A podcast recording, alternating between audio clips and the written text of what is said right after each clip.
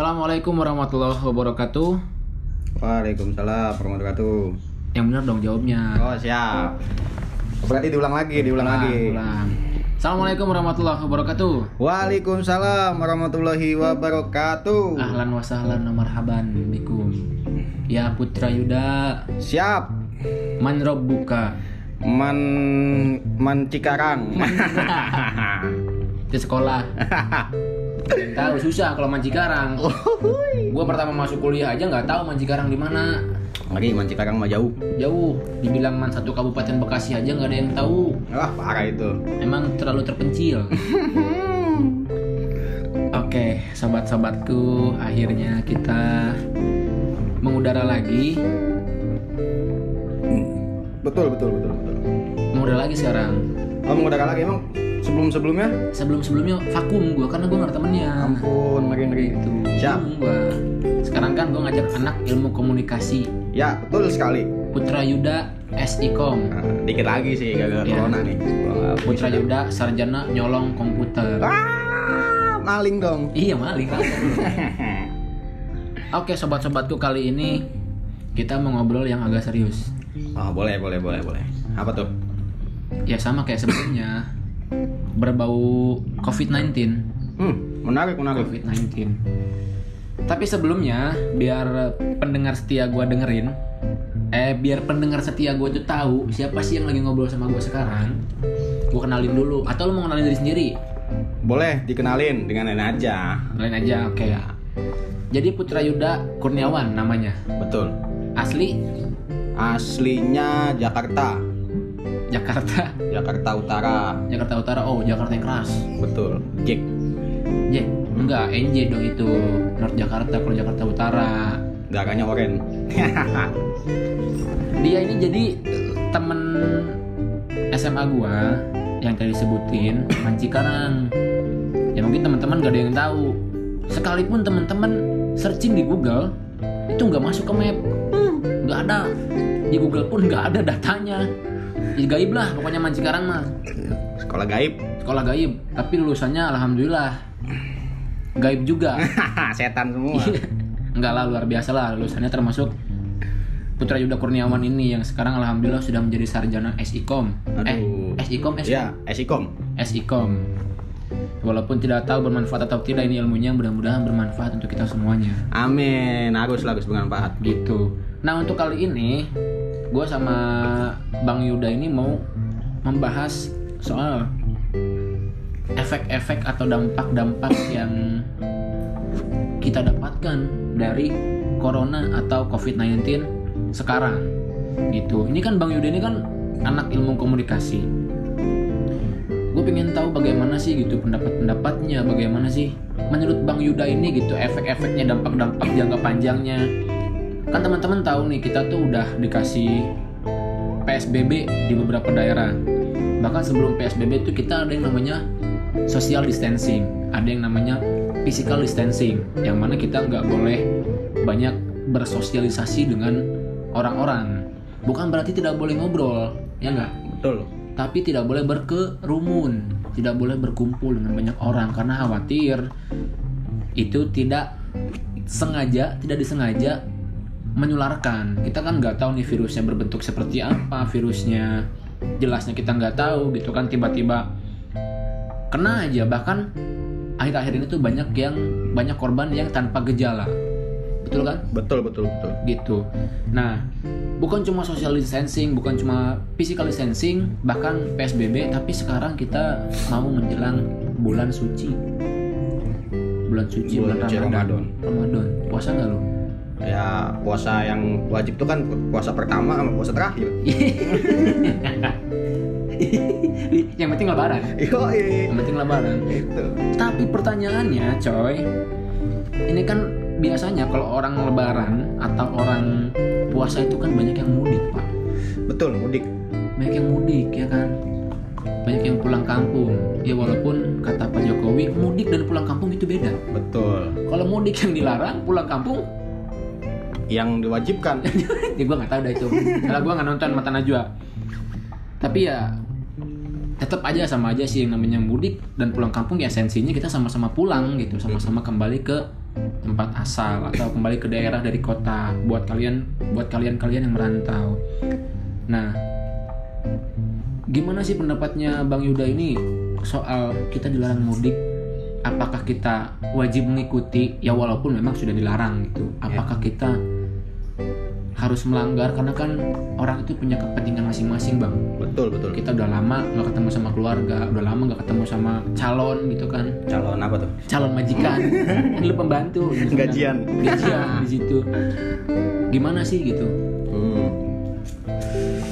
Tentang COVID-19 ya oke terima kasih.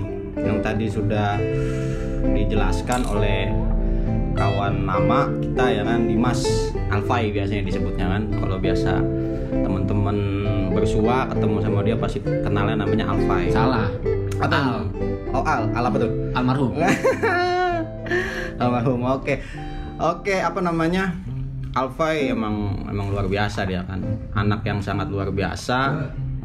Terus juga eh, apa namanya aktivis juga teman-teman kita juga. Ya. Kan? Ini kita bahas dulu tentang COVID-19 ya para pendengar setia podcastnya Muhammad Alfai. Tapi jangan takut-takutin kasihan. Wah, itu justru di situ. Fungsinya anak ilmu komunikasi itu di situ. Ya kan, apalagi yang berbau dengan media. Ya kan. Kalau dalam ilmu komunikasi jurnalistik itu ada bahasa bad news and good news. Ya kan. bad people dan good people Hampir sama. ya gitulah Hampir sama. Semakin bag, apa namanya? Semakin parah berita itu, maka semakin bagus di apa namanya dikonsumsi oleh masyarakat gitu jadi kita kita analisa kita analisa dulu penyakit covid-19 nih ya kan awal awalnya penyakit covid-19 gitu ya kan Bung Alfai gitu kan iya Bung Yuda. Di kembung. Iya, Bung. itu kan berawal bermuara dari eh, negara Cina. Yang lokasinya itu di Wuhan kota Wuhan. Ya kan? Itu cuman skupnya itu kecil. Skalanya skala kota loh. Di Cina itu ya kan? Cuman kenapa pemerintah Cina ini dengan cepat mengantisipasi bahwa itu virus nggak merebak ke seluruh Cina? Kenapa tuh Iya kan? Karena pemerintah Cina ini dengan dengan sigap melakukan lockdown wilayah gitu yang sekarang kita kenal nih lockdown wilayah gue gitu. taunya londok Wah, londok berubah-berubah dong ntar. Iya. londok London Negara dong. Iya. Iya. Jadi kita kita coba analisa lagi. Covid-19 ini katanya eh, berasal dari hewan kalilawar. Kalau kata orang. kelelawar. Kelelawar. bukan kalilawar. Oh, be- beda ya? bahaya. Panda itu anak ilmu komunikasi Betul. yang mau menjelaskan jangan sampai salah diksi. Nah, bahaya. itu. Makanya kita bahas di sini. nanti jadi bad news. Itu kita goreng lagi. Ya. justru itu kalau bahas orang Bekasi namanya kalong. Ya kalau kalong. Kampret. Kampret ya kan? Bukan cebong tapi. Bukan bagian indah mau ngomong apa ge ya kan? Sekarang logikanya gini.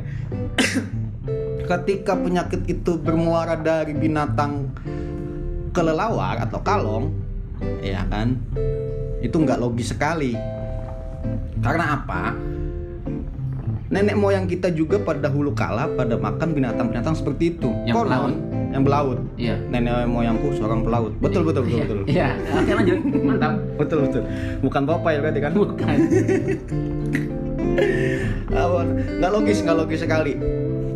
Karena kalau misalkan kita sambungkan ke binatang tersebut otomatis penyakit corona itu dari dulu udah ada. Cuman kenapa sekarang baru ada gitu? Logisnya ya. Ini kita analisa dulu buat para pendengar setia Alfai. Ya kan kenapa itu baru ada sekarang? Kenapa nggak kemarin-kemarin bahkan ada penyakit yang lebih ganas dari corona ya kan salah satunya DWD terus kanker kantong kering. Lu itu mah Wah, ini gara-gara corona semua kantong kering nih. Efeknya banyak banget. Parah. Ya kan itu. Jadi kita analisa dulu kenapa di Cina. Ya kan? Dan kenapa nggak di negara-negara lain. Ya kan? Ada satu artikel yang pernah gue baca.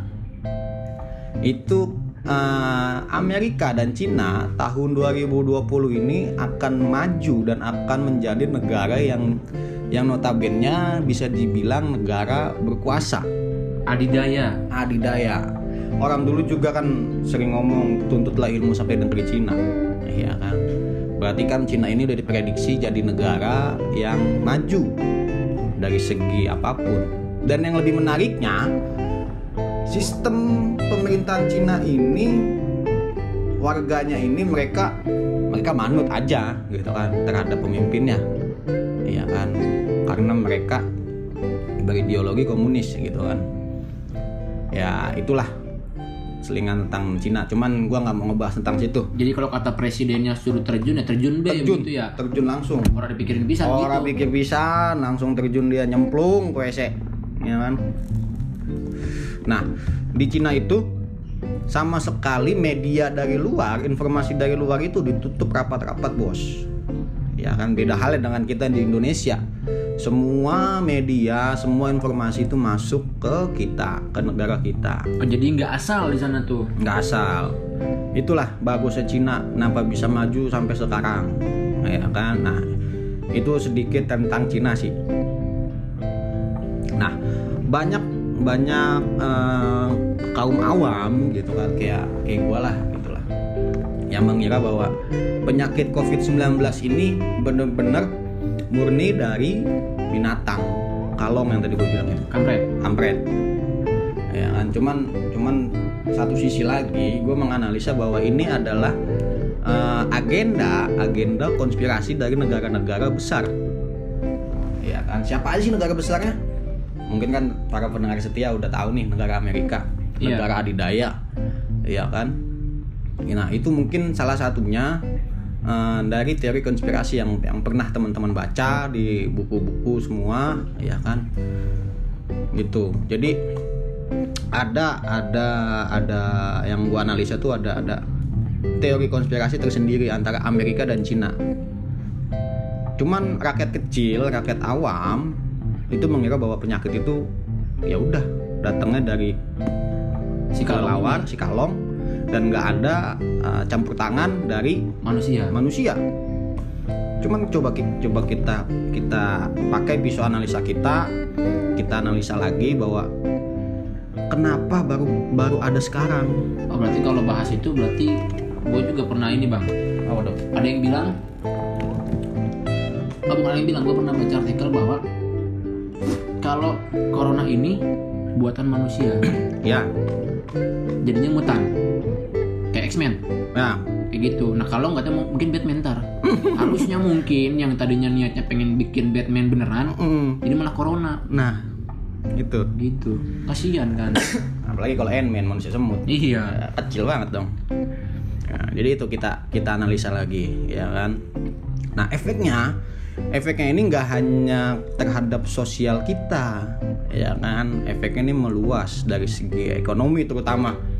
Ya kan, sekarang apalagi di 2020 sudah lebih dari 1,2 juta karyawan dirumahkan. Cuman bahasa media ini lebih lebih enak disebutnya PHK. Iya kan? Lebih enak dikonsumsi. Nah itu karena simple. Karena yang tadi gue bilang good news, eh bad news and good news. Semakin parah itu redaksinya, semakin enak dikonsumsi oleh media-media dan masyarakat. Dan semakin mudah berarti ya. Nah itu dan semakin gampang diinget bro. Gitu kan. Nah apa namanya? Efeknya pun nggak apa namanya nggak nggak nggak kecil lah. Cuman kan yang tadi gue bilang ada yang lebih bahaya dari COVID-19 DBD. Cuman kan nggak nggak seperti gejala corona. Karena kan corona ini disebut pandemik. Ya kan? Pandemi karena sudah mendunia. udah mendunia. Apa namanya? Kenapa disebut pandemik itu? Karena penyakit ini sudah menyeluruh ke dunia gitu kan? Beda hal dengan endemik ya kan? Itu hanya lokal saja yang merasakan gitu Bung Alfai Sama dedemit ya. wah endemik mah lu dong Iya. Nah, itu kan tadi kan pembahasan soal COVID-19 atau yang kita lebih kenal itu corona. Hmm, Kita itu kan udah dianjurkan untuk social distancing, betul ya kan? Eh, mungkin bahas mudik nanti kali ya nanti habis ini social distancing yang gua pahami itu kita itu di apa ya? Bukan dipersulit bukan dilarang Hmm. bahkan hanya dianjurkan untuk mengurangi kerumunan keramaian Mm-mm. itu kita itu kan terbiasa dengan berkerumun. Kita itu terbiasa dengan kalau anak muda nongkrong lah. Betul, nongkrong, Ngobrol, kongko. ngopi kongko gitu kan. Apakah itu akan berdampak negatif? Apakah itu akan berdampak panjang? Karena kan gini yang awalnya kita terbiasa dengan nongkrong ngobrol ngopi gitu kan. Berkerumun lah ngejubel. Mm-mm. kata orang kita nyama ngejubel gitu rame. Ketika kita dianjurkan bahkan dianjurkannya benar-benar ketat karena karena benar-benar berusaha untuk mengurangi meminimalisir korban-korban COVID-19 ini agar tidak bertambah. Makanya kita kalau yang nongkrong tuh sering kali diusir. Benar nggak bang? Ya, diusir sih. Apakah itu akan menjadi dampak berkepanjangan?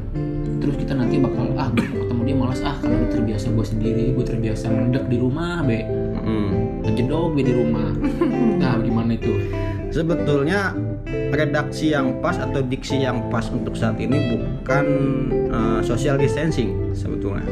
Jadi diksi yang pas ini adalah physical distancing. Kenapa? Karena uh, pada hakikatnya manusia ini adalah makhluk sosial. Itu yang ada di dalam buku filsafat manusia. gue sepakat karena gue di pesantren pun diajarkan bahwa manusia adalah makhluk, makhluk sosial. Makhluk sosial mau itu di negara mana pun gitu kan pasti kita butuh sosial. Itu nah itu diksi-diksi yang pas adalah uh, physical distancing. Jaga jarak yang dalam artian fisiknya nggak boleh terlalu dekat ya kan? Nggak boleh bersentuhan. Nggak boleh bersentuhan apalagi yang pacaran nih nggak boleh pegangan dulu bro. Nggak boleh. Nggak boleh. Pegangan tangan pegangan apa pun itu. pipi. Ya, ya begitulah. Jangan yang lain-lain. Nah, itu. Jadi diksinya ini ag- agak diperbaiki sedikit sebetulnya untuk untuk para elit-elit pemerintah gitu kan. Lebih pas itu physical distancing, bukan social distancing. Karena ketika kita dipaksakan untuk uh, social distancing itu secara nggak langsung merubah kita sebagai makhluk sosial. Ya kan pada hakikatnya nanti kita akan berubah menjadi manusia yang introvert. berarti masih tetap boleh nongkrong dong boleh boleh nongkrong buat saya ya kan buat buat buat gue pribadi boleh nongkrong cuman jaga jarak lah kalau mau ngobrol 5 meter ya kan? Enggak, lu tau nggak pakai ini yang kaleng-kalengan nah itu. Kayak Iya, zaman dulu kayak zaman telegram dulu. Telegram. Bisa Begitu. bisa. Bisa kayak gitu atau mau pakai benang layangan. Kalau enggak lu pakai zoom. Ah. Lu nongkrong nih? Nongkrong. 5 meter 5 meter 5 meter tapi pakai zoom ngobrolnya. Mendingan video call kali ya. Iya begitu maksudnya. Gitu diksinya aja diksinya aja sih yang agak, di, agak diperbaiki aja buat buat gue pribadi. Toh juga selama corona ini ada di Indonesia gue nggak stay at home selama yang dianjurkan oleh pemerintah. Gue masih suka keluar. Karena buat gue bete bro di rumah mulu ya kan? Biasa orang ayam biasa ngayap ya kan? Karena emang kerja gue ya itu penggiat sosial gajak gijik ya kan? Kalau kata orang Bekasi mah. Dag dag dik dik Iya, dak dak dik dik apa dak dik duk dekdor kan. iya mantap. Nah itu itu tuh kayak gitu tuh apakah akan merubah katakanlah budaya lah ya. Budaya budaya budaya ngobrol bareng budaya kongko kita kan kongko walaupun ngerokok ngopi dan lain-lain pasti ada pembahasan yang menarik Betul. biasa gitu kan apalagi aktivis Ya. apalagi orang-orang yang biasa ngobrolin soal entah itu ke pemerintahan untuk Hmm. kritis lah ya Hmm. apakah itu akan ngerubah budaya tersebut Ya, yang tadi gua katakan, yang tadi gua kasih tahu apa namanya pastilah secara nggak langsung teman-teman dipaksa untuk menjadi orang yang introvert yang antisosial bahkan lebih lebih kejamnya gitu ansos lah kalau kata orang sekarang anak milenial nggak pernah nongkrong nggak pernah say hello udah Apatis. komplek apatis anti kritis anti kritis, antipati atau Anti- apalah, antiseptik. ah, antiseptik, ya kan? antivirus, apalah, gitu kan. Terus secara nggak langsung kita semua dipaksakan untuk itu, ya. Cuman balik lagi teman-teman jangan jangan apa ya bukannya kita nggak boleh percaya sama pemerintah bukannya kita takabur gitu kan. Kita boleh antisipasi cuman jangan terlalu apa ya takut gitu loh. Toh juga kan nanti uh, virus ini bakal hilang gitu. Jadi buat teman-teman semua jangan jangan pernah takut. Ya kan menghilangkan corona ini bukan dengan cara menakut-nakuti masyarakatnya. Ya kan apalagi di Indonesia ini sudah 7.418 yang positif corona. Itu data yang data terakhir. Data terakhir. 23 April. Yang mungkin ini, Hmm. ini sih bukannya suuzon. Yang mungkin lebih dari itu. Mm-mm. karena kan waktu Pak De Joko bilang Pak De Jokowi maksudnya. Mm-mm. Pak De Joko bilang buka. Wah pada buka baju tuh semua tuh. Wah bisa jadi. Wah bukan maksudnya. Buka tuh data. Buka Ah. semua. Ternyata ada hampir lebih dari 10.000 yang ODP yang PDP gitu kan. Hmm. gitu. Iya, dan gue juga bingung ketika data positif corona ini sudah menyentuh angka 7000 bahkan nanti besok-besok bakal menyentuh angka 10.000 itu datanya dari mana? Kita sebagai masyarakat ini nggak tahu gitu loh. Ya kan apakah itu data lama yang awalnya disembunyikan dulu sama Pak D sama Kemenkes dan yang lain-lain barulah sekarang dibuka gunanya untuk eh, agar masyarakat ini mematuhi pemerintah. Ya kan? Nggak tahu lah nanti ke mana mungkin kan nanti kita bisa tabayun lagi sama pihak terkait gitu kan? Ini benar gak sih datanya gitu? Karena untuk ukuran kita masyarakat bawah eh, mengklarifikasi data yang positif corona ini 7000 agak sulit karena itu semua didapatkan dari media yang kita tahu sekarang nih.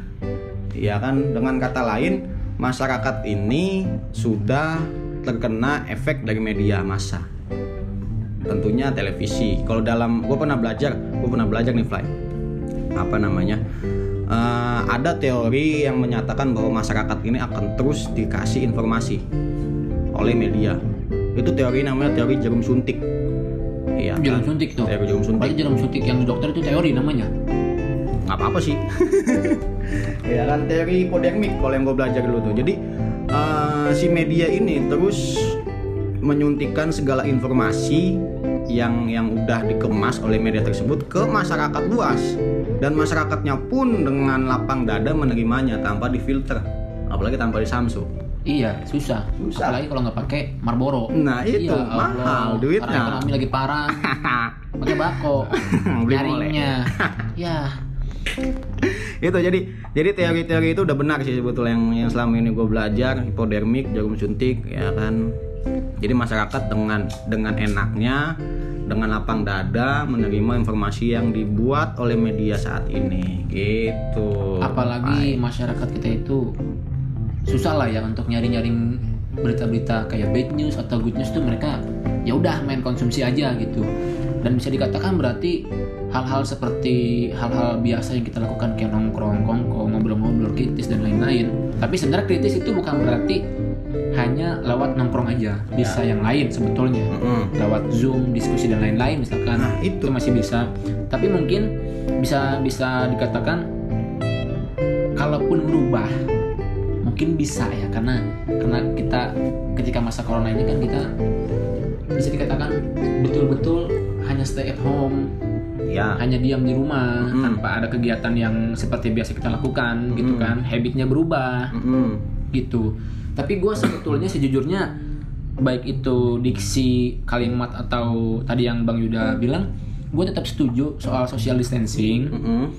untuk tidak banyak berkerumun Mm-mm. untuk tidak banyak bergerombol karena kan ya memang kita juga nggak tahu virusnya seperti apa dan ya. tersebarnya. Bagaimana maksudnya? Eh, kita tuh nggak tahu jelasnya siapa aja sih yang PDP siapa aja yang positif. Bahkan belakangan ini ada orang positif yang karena takut dikucilkan nah. dia nggak jujur. Sampai akhirnya ternyata orang-orang di sekitarnya ikut positif juga dan akhirnya bertambahlah korban positif Nah itu penyakit bermula dari mindset teman-teman yang takut, gitu kan. Apalagi kita nggak nggak pernah olahraga ya kan di rumah, ya ya kan. rebahan Iya, mulu tang-tang disuruh di rumah rebahan lu gaweannya Sampai bingung mau model apa lagi rebahannya kan. Iya, sampai Iya kan? udah jungkal-jungkal sampai sini, udah nungging. Tapi buat gua sih sebosan apa pun pasti banyak kegiatan lah ya. Iya. Kita itu kan manusia, jadi otaknya bisa bekerja. Bahkan yang gue tahu manusia itu bisa bekerja dengan cepat otaknya ketika dipaksa atau ketika dalam keadaan terpaksa. Mm-mm. Karena kan mau tidak mau ketika kita stay at home itu kan karena bosan, ya mau gak mau kita harus berkreasi, berkreativitas untuk kegiatan kita sendiri Betul. gitu. Terus dengan social distancing dan physical distancing itu kan akan ada kemungkinan mungkin merubah budaya kita untuk jarang nongkrong mungkin pastikan Mm-mm. itu sebetulnya salah satu yang gue khawatirkan bang Mm-mm. tapi mudah-mudahan tidak karena kan memang budaya kita sudah amat kuat orangnya ramah-ramah biasa ngobrol biasa ngopi Iya. baik itu saudara teman sahabat keluarga Betul. pacar gitu Iya. kan apalagi sama pacar wuh mantap, Mantap. deketnya wuh nempel Mantan. nggak bisa lepas mantan gebetan pendekatan aja udah nempel nempel gitu nah kembali lagi ke larangan mudik ini kan larangan mudik ini gua walaupun orang yang orang Cikarang kampungnya di Cikarang gitu yang namanya pengen mudik kan mudik pengen mudik namanya pulang kampung gitu ketemu sama, sama keluarga yang di kampung. Pengen lah gitu ya.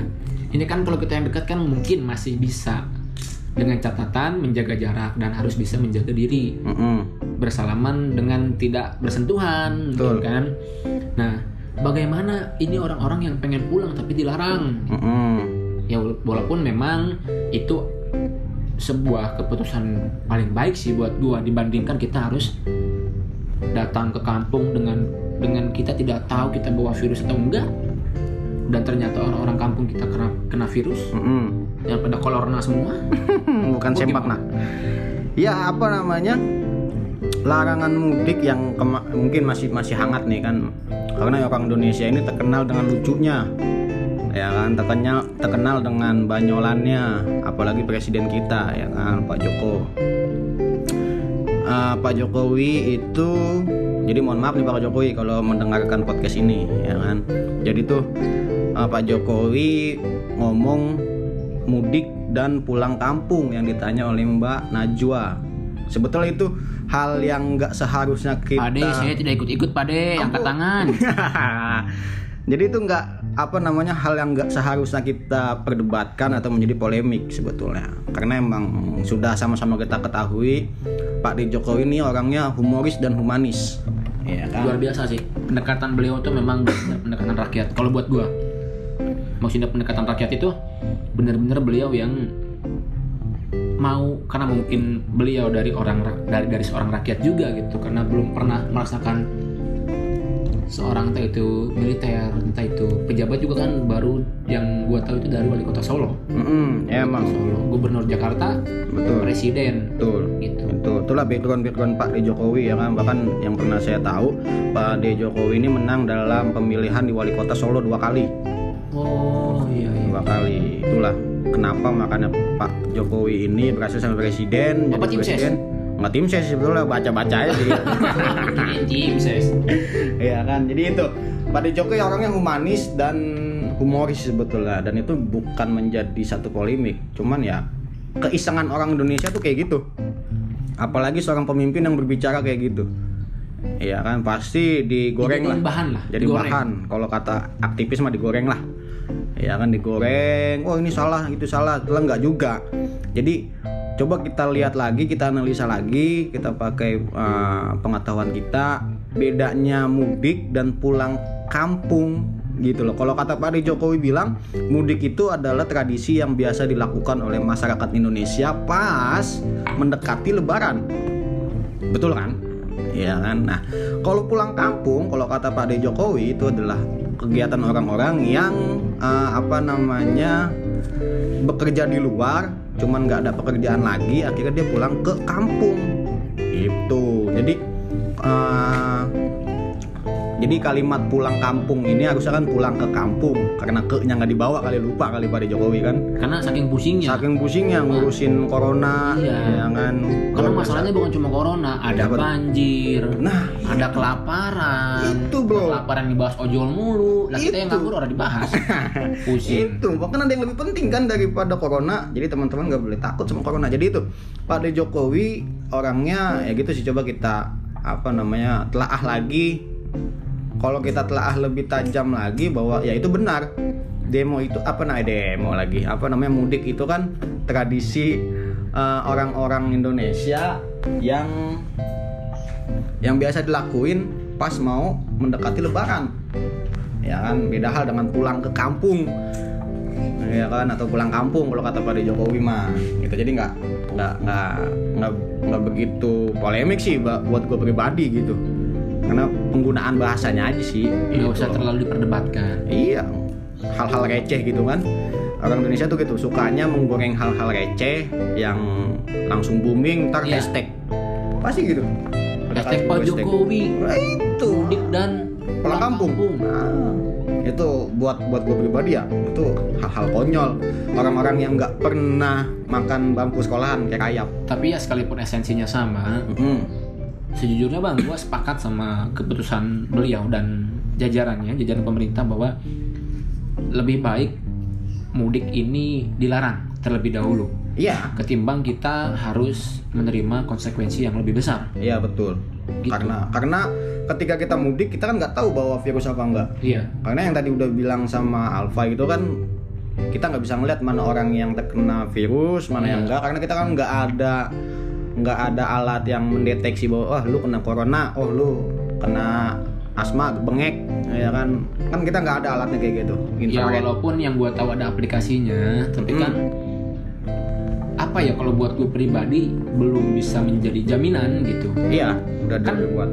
kalau misalkan sekarang orang yang kena positif. Mm-mm. wah mukanya beler. Wah. Orang mabuk. Itu mah ngantuk. Ya bukan maksudnya kayak mabuk. Berarti kan kita tahu. Iya. Kita tahu lah ini mabuk enggak beler enggak gitu kan ngantuk enggak. Gigi kuning.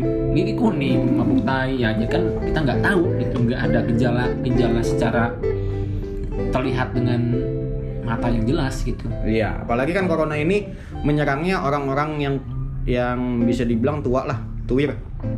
Orang tua kita kakek kita ya kan? Usia lanjut dan Bisa lanjut.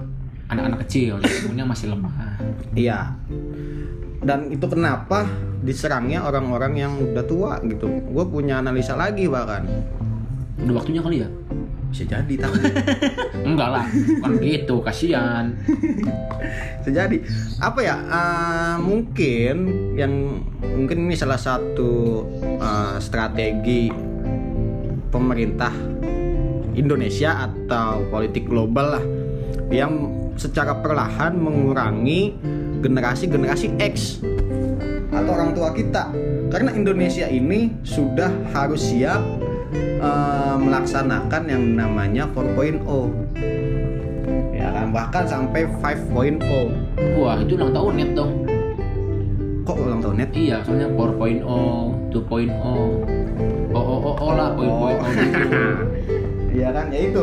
Jadi ya kita Indonesia ini disiapkan untuk eh, mulai memasuki era tersebut. Orang-orang lama, orang-orang tua, orang-orang Indonesia ini dimusnahkan secara perlahan gitu loh. berarti bisa dikatakan itu senjata biologis dong Bisa jadi. eh ngeri dong kayak perang gitu ya Wah luar biasa. Apa namanya? eh, bahkan bahkan gue baru kemarin sempat baca artikelnya. Ini siapa sih sebetulnya dalang di balik corona ini? Iya kan? Eh, apa namanya? Sebentar gue inget-inget dulu. oh ada dalangnya berarti kita ini dong main-main apa namanya kalau kata ini wayang Wayang. kita diwayangin sama dalang dong Jadi teman-teman harus harus lihat. Ini efeknya ke apa namanya? ekonomi. Siapa sih yang yang paling berperan di ekonomi itu otomatis uh, pengendalian saham. Ya kan semua uh, ekonomi dianjlokkan. Ya kan diturunin semua segala mahal. Sekarang corona langka nggak ada pemasukan. Tapi ayam murah pak.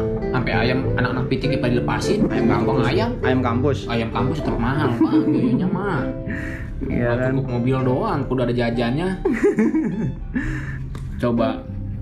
Karena kan sekarang aja rupiah itu sudah gua nggak tahu yang terakhir gua tahu tuh 15.000 ribu rupiah atau 16.000 ribu tuh nggak tahu. hampir men- hampir menyentuh eh 17.000 sebetulnya.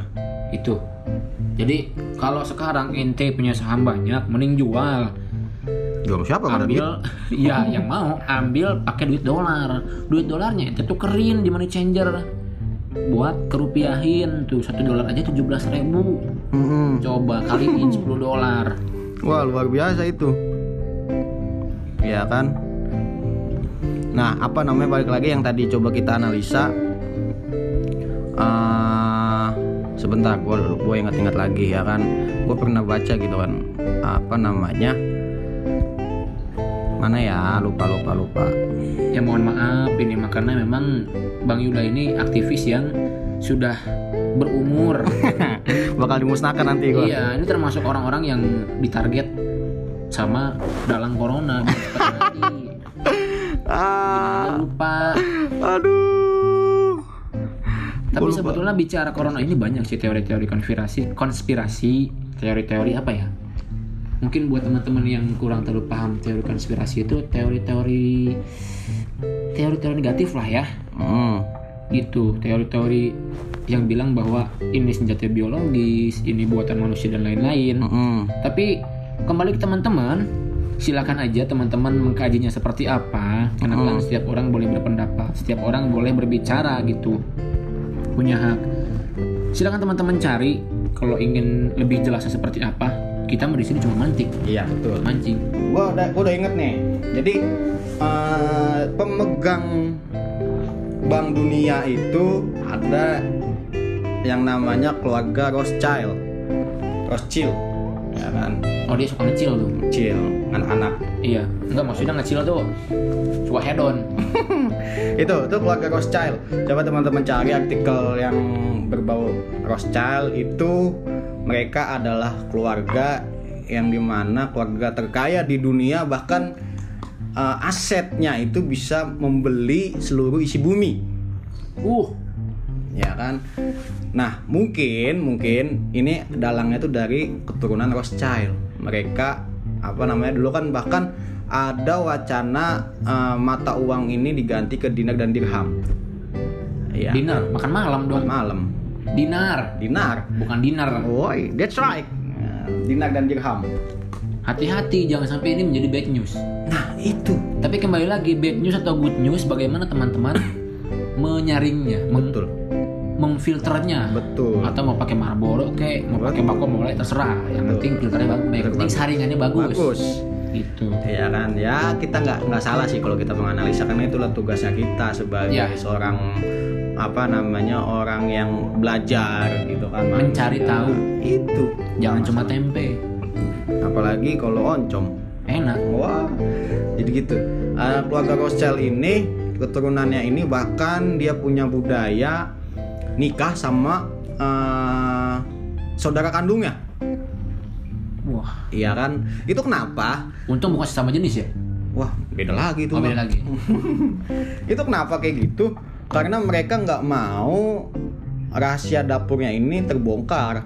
Dan mereka nggak mau bahkan itu adalah eh, jalan mereka untuk menjadi orang kaya.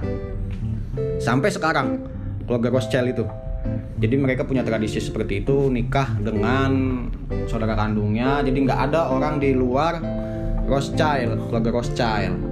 Gitu. Karena khawatir terbongkar resep rahasianya. Karena kan betul. yang gue rasakan memang ketika kita ngobrol sama orang di luar keluarga kita yang memang bisa dikatakan kurang begitu bisa menyimpan rahasia itu biasanya ngebleber ke mana-mana. Ngebleber. Hmm, kayak perut. Iya ngebleber maksudnya keumbar gitu. Keumbar tuh apa ya bahasa Nyebar lah. nyebar gitu. Ya kan. Jadi gitu. Eh, ya mungkin balik lagi kayak tadi. Alfa bilang teori konspirasi mungkin betul. Karena ini efeknya ke ekonomi apalagi di Indonesia. Gua ngerinya nih nanti pasca corona ini bakal ada penjarahan seperti tahun 98 karena apa? Kalau berbicara ke perut orang nggak bisa toleransi lagi bos. Betul. Kalau orang kelaparan mati ya mati. Iya. Lebih baik dia mati atau dia menjarah. Ya dibunuh atau terbunuh. Atau atau membunuh. Ya kan? Itulah efek dari pasca corona ini. Gue takutnya seperti itu. Dibunuh atau membunuh. kelaparan? Nah itu. Lu tinggal milih sendiri lah ya kan lu mau kelaparan atau membunuh iya kan itu bahasa kasarnya sih membunuh padahal nanti ngejarah doang Tapi bukan berarti kita me- apa ya?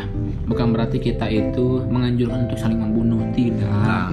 Ini hanya istilah istilah gitu. karena yang yang sudah kita ketahui sama-sama bagaimana terjadinya uh, kerusuhan 98 gitu kan itu kan pasti krisis moneter Nah, nah itu yang gue takutin pasca corona ini yang terjadi adalah krisis moneter. Toh juga nanti bakal nggak nggak nggak langsung seperti semula lagi ekonomi bertahap. bertahap berproses dengan tidak mudah bahkan ada hawar akan ada inflasi Nah itu perlahan lah ekonomi membaik gitu. Makanya yang gua yang gua lihat ya ini adalah senjata biologis corona ini. iya Ya. kalau gua sih gua ngelihatnya ini senjata senjata apa ya? Senjata apa? Saya bingung ini bilangnya. Senjata makan tuan. senjata makan tuan enggak enggak lah. Ya mungkin apa pun itu senjata biologis atau atau apa pun ini betul-betul patut kita waspadai. Iya betul. jangan apa ya jangan jangan memudahkan atau jangan gampangin lah gitu. Ah kalau corona doang kebal gua mah gua gua udah belajar di Banten gitu. Punya ilmu dari Banten gua. Gua punya ilmu dari Kalimantan dari mana lah Indonesia tetap aja. Lu kalau kena corona mah corona. Nah itu. diem di rumah sakit sendirian keluarga lu kagak bisa nengokin. Lu dikuburin ah jangan langsung masuk peti dipakuin. Ya Nggak ada yang berani apa namanya nyelawat. Iya, lu dimandiin, di kain kapanin buat yang Islam, diplastikin, disemprot disinfektan. Ya Udah disemprot disinfektan pakai plastik, lu dimasukin peti, petinya dalamnya disinfektan juga. udah kayak lemper dibungkus. Udah kayak lemper tuh. Lu dimasukin peti, ntar petinya dipakuin, udah dipakuin, petinya di- disinfektan Ya juga. udah kayak telur pakai peti. Ya Allah, lu bikin kepompong bisa jadi kupu-kupu Nah, itu. corona. Makanya ya kan cuman ada satu daerah ini apa ya? Ada satu daerah yang menolak pemakamannya. Bukan cuma satu daerah, beberapa Berapa? daerah. Nah, itu khusus untuk warga-warga yang ada di Indonesia, janganlah kita seperti itu, ya kan? Toh juga penyakit corona ini bukan eh, penyakit yang memalukan, ya kan? Coba bukan penyakit yang menular lewat air, tanah, dan udara yang gua tahu. betul, karena eh, seyogianya penyakit, gitu kan? Ketika inangnya sudah mati, Eh, ya inang kok indung sih? indung indung kepala indung dong. inangnya sudah mati, penyakitnya pun pasti bakal mati, iya. gitu. Cobalah dicerna lagi. Nggak mungkin kalau inangnya udah mati dia kelayaban ke mana-mana sama setannya. Nggak mungkin dong. Emang mumun. Iya, tidak mungkin dia ikut sama jin korin. Jin korinnya positif covid. Nyebarin ke mana-mana. bengek Gina jadi corona ini gue bilang penyakit bengek bro ya kan bisa bilang penyakit bengek cuman ya apa namanya bingung juga sih gue mengidentifikasi penyakit ini seperti apa karena orang yang udah punya penyakit bawaan itu tiba-tiba dibilang penyakit corona itu bingungnya coba teman-teman pikirin lagi ya nah kan mungkin teman-teman kesehatan bisa menjelaskan ini. Mm-mm. Gitu. Kalau mau nanti hubungi saya aja. eh, khususnya buat para perawat-perawat yang cantik Iya. Wih. Ya maksudnya siapa tahu kita bisa bertukar ilmu, sharing-sharing ilmu. Ya nomor Alibi. telepon sama IG mah bisa belakangan. iya alibi aktivis mah kayak gitu Ya salah. ya kan jadi gitu coba temen-temen pikirin lagi ya orang udah meninggal mah udah mati mah udah nggak bakal nyebarin virus bro iya, apalagi gua dengar berita ada jenazah jenazah perawat itu yang tidak diterima di satu daerah. Ditolak. Nah coy itu pahlawan kita. Lu bayangin kalau itu orang tua lu kalau itu pacar lu kalau itu teman dekat lu lu nggak nerima itu sakitnya gimana? Sakitnya tuh di sini. Ya Allah. Kita itu terbiasa dengan memanusiakan manusia. Jangan hanya karena seperti itu. Bahkan yang tadi dibilang sama Bang Yuda inangnya mati maka si COVID-19 nya pun mati. Bukan berarti dia ikut sama jin korinnya enggak. Jadi jangan nolak kasihan gitu. Lu bayangin dia udah bertaruh nyawa dan akhirnya mungkin memang terkena positif terus meninggal lu nggak terima? Ya Allah hati lu di mana? Di dengkul. Nah itu kasihan bro. cukup otak aja yang di dengkul mah hati mah jangan. Kasihan sebetulnya. Jadi ya balik lagi gitu kan. Hablum hubungan kita terhadap manusia seperti apa? Jangan cuma hablum minallah aja. Ya jangan cuma beragama tapi tidak bertuhan. Jangan cuma bertuhan tapi tidak beragama. Nah itu. Allah Akbar. Allah Akbar. Sami Allah liman hamidah. Iya sholat dong. Jadi itu apa sedikit analisa gua gitu mengenai COVID-19, corona ya kan. Jadi gue bilang ya ini sebuah penyakit atau senjata biologis. Yang tadi udah gue bilang mungkin ada campur tangan atau intervensi dari keluarga Rothschild. Ya kan? Keluarga yang di mana memegang penuh kekuasaan di bank eh, bank-bank sentral yang ada di dunia. Ya kan? Coba teman-teman lihat Kalau lagi. BRI masuk ke sana? BRI enggak Oh enggak. enggak ya. BRI, BNI, BCA. bahkan dulu bahkan dulu gini Pak gua gua pernah pernah baca bank sentral kita itu adalah BNI 1946 Oh, 46. 46 bukan 45 45 kemerdekaan. apalagi ini Rossi bukan. Bukan.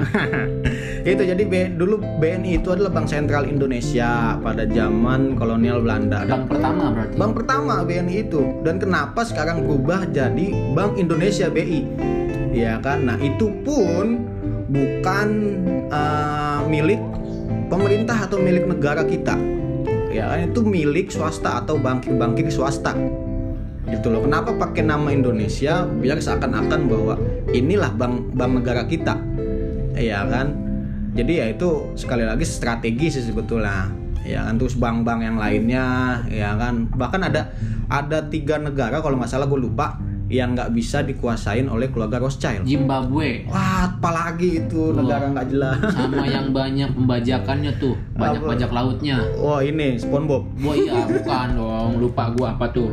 Yang banyak bajak lautnya One Piece. Naruto. ya kan itu jadi apa namanya ya efeknya ke ekonomi sih sekali lagi ya kan cuman ya kita nggak tahu lah mungkin lebih baik kita tabayun lagi Ya. kita berserah diri kepada sang maha pencipta di beliau apa Allah lah yang lebih tahu daripada kita gitu kan Allah alam bisawaf gitu lah Iya. Bukan cuma ekonomi yang menjadi sektor yang terdampak luar biasanya, tapi banyak lah ya. Tapi apa pun itu, Bang Yuda ya, Hmm. mau ini teori konf teori kos- Eh, eh. teori konspirasi dari keluarga Rothschild ya ya Rothschild atau senjata biologis atau ini semacam buatan manusia atau yang yang bisa dikatakan mutan Mm-mm. kayak X-Men untuk menghabiskan manusia atau mungkin ada niat baik ini mah mungkin ya Mm-mm. mungkin nanti teman-teman silakan kaji lagi ini untuk mengurangi populasi manusia di bumi nah. agar bumi ini setidaknya tidak semakin rusak nah. Karena lulu pada mah cuma bisa ngerusak bumi ya Allah. Nah. Disuruh nanam pohon ogah orang mau. Ngambilnya mah apa kenceng-kencengnya apa buru-buru. Hidupnya begitu doang. Nah iya bahkan positifnya dari corona ini eh, lapisan atmosfer kita jadi lebih tebal lagi ada- atmosfer. Atmosfer. Iya. nggak ada lagi namanya polusi atau polisi. Lapisan mijon. Minuman dong. Oh, minum. lapisan ozon tapi betul apa pun itu masing-masing punya konsekuen masing-masing punya konsekuensi negatif dan Hmm. positifnya. Punya dampak plus dan dampak minusnya. Dampak negatif dan dampak positifnya. Ya. Kekurangan dan kelebihan. Ya masing-masing ya. Tinggal bagaimana kita bisa mengambil sisi negatif dan sisi positifnya. Tapi alangkah baiknya kita mengambil lebih banyak sisi eh, positifnya. Betul. Gitu. Atau Mau- juga kita dirumahkan juga kita ketemu sama keluarga kita Iya, buat buat papah-papah muda mungkin atau mungkin buat bapak-bapak, papa-papa tua yang sudah lama tidak bertemu bertemu dengan anaknya, Nah, gitu kan. Yang papa mah inget kerja doang, nggak pernah inget sama aku, gitu. Nggak papa mah inget sama istri tua doang Iya. istri muda yang enggak Ini kan bisa jadi bahan untuk mereka ketemu. Ketemu istri kedua istri pertama ketemu Iya, ya jadi kan? berantem di rumah Berkerumun nggak nggak ada sosialisasi. hati-hati bro kita harus uh, isolasi diri 14 hari 14 hari. Tapi apa pun itu yang tadi gue bilang, semua punya sisi negatif dan sisi positifnya. Alangkah baiknya kita mengambil banyak sisi positifnya, betul banyak mengambil sisi kelebihannya. Kekurangannya bagai untuk kekurangannya tinggal kembali ke diri kita masing-masing bagaimana menutupi itu. Bukan gitu Bang Yuda? betul sekali. Gitu. Karena contohnya Allah Wih Allah ini anak UIN sekali karena saya anak UIN ini. Allah menciptakan nyamuk gigit darah kita. Nggak mungkin nggak bermanfaat. Nggak mungkin nggak bermanfaat. Yang diambil darah kotor. Nah itu. Dengan apa adanya nyamuk ada pabrik autan. Iya. Pabrik sopel. Nah nah kan memberikan lapangan kerja Nah, Itu yang mudah-mudahan. nasnya. hablum minanas hablum minallah Betul. gitu ya pokoknya tetap waspada stay safe stay at home mau segimanapun kalian bosan mau segimanapun kalian jenuh cobalah untuk tetap support diri sendiri lindungi keluarga jaga diri sendiri lindu- eh, lindungi diri eh, lindungi lingkungan sekitar Betul. gitu bantu pemerintah kita dan terutama yang gua nggak akan bosan untuk bilang bantu tim medis kita. Kasihan kasihan asli kasihan. Mereka pakai APD berjam-jam. Mereka harus nahan minum nahan kencing nahan semuanya. Nahan untuk ketemu keluarga ya lu lihat di sosmed lu lihat di media semuanya kalau ada tim medis yang pengen ketemu sama keluarganya itu jaraknya 2, 2 kilo Hmm, jauh sekali udah kena gojek. Ah, naik gojek lu jauh bahkan tukang gojek aja sekarang nggak boleh bawa penumpang kasihan Betul, bawanya Ya, barang. buat lo yang berugul ya Allah jangan nyusahin mulu hidupnya Cuman lagi bro sekarang nih, apa namanya? Ah, banyak narapidana yang udah dibebasin kan, dapat asimilasi iya dari Kemenkumham. Ngeri sih itu Hah? ngeri itu Ngeri. Iya. Banyak begal, banyak apa Penjarahan, namanya? Penjarahan warung. mana-mana itu. ya Allah tukang warung udah main beli jarang dijarahin loh sama napi yang baru keluar ide gila lu mah hidupnya nyusahin doang sumpah Nah, orang punya pikiran nah, kabar terakhir yang gue dengar di kota Bekasi itu di lapas Bekasi 200 napi dapat asimilasi dan uh, puluhan napi itu kabur dari lapas Bekasi. Itu yang gue dengar kabar terakhir itu, wah luar biasanya mengerikan.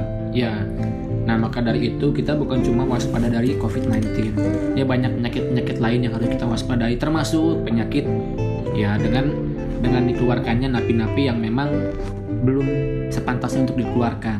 Kenapa gue bilang seperti itu? Karena ya buktinya mereka keluar bukannya berterima kasih, tapi malah mencari gara-gara lagi. Nah, betah dia di penjara. Iya, lebih baik di penjara harusnya mah. Nah, Gitu. dan gue juga bingung kenapa harus dapat asimilasi gitu. Toh juga dia di dalam penjara juga nggak nggak bakal terinfeksi gitu kan karena ruang lingkupnya itu, itu doang kan gitu. Iya mungkin bisa seperti itu tapi mungkin gue husnuzonnya Mm-mm. sama Bapak Yasona Lauli sebagai Kemenkumham ya Mm-mm.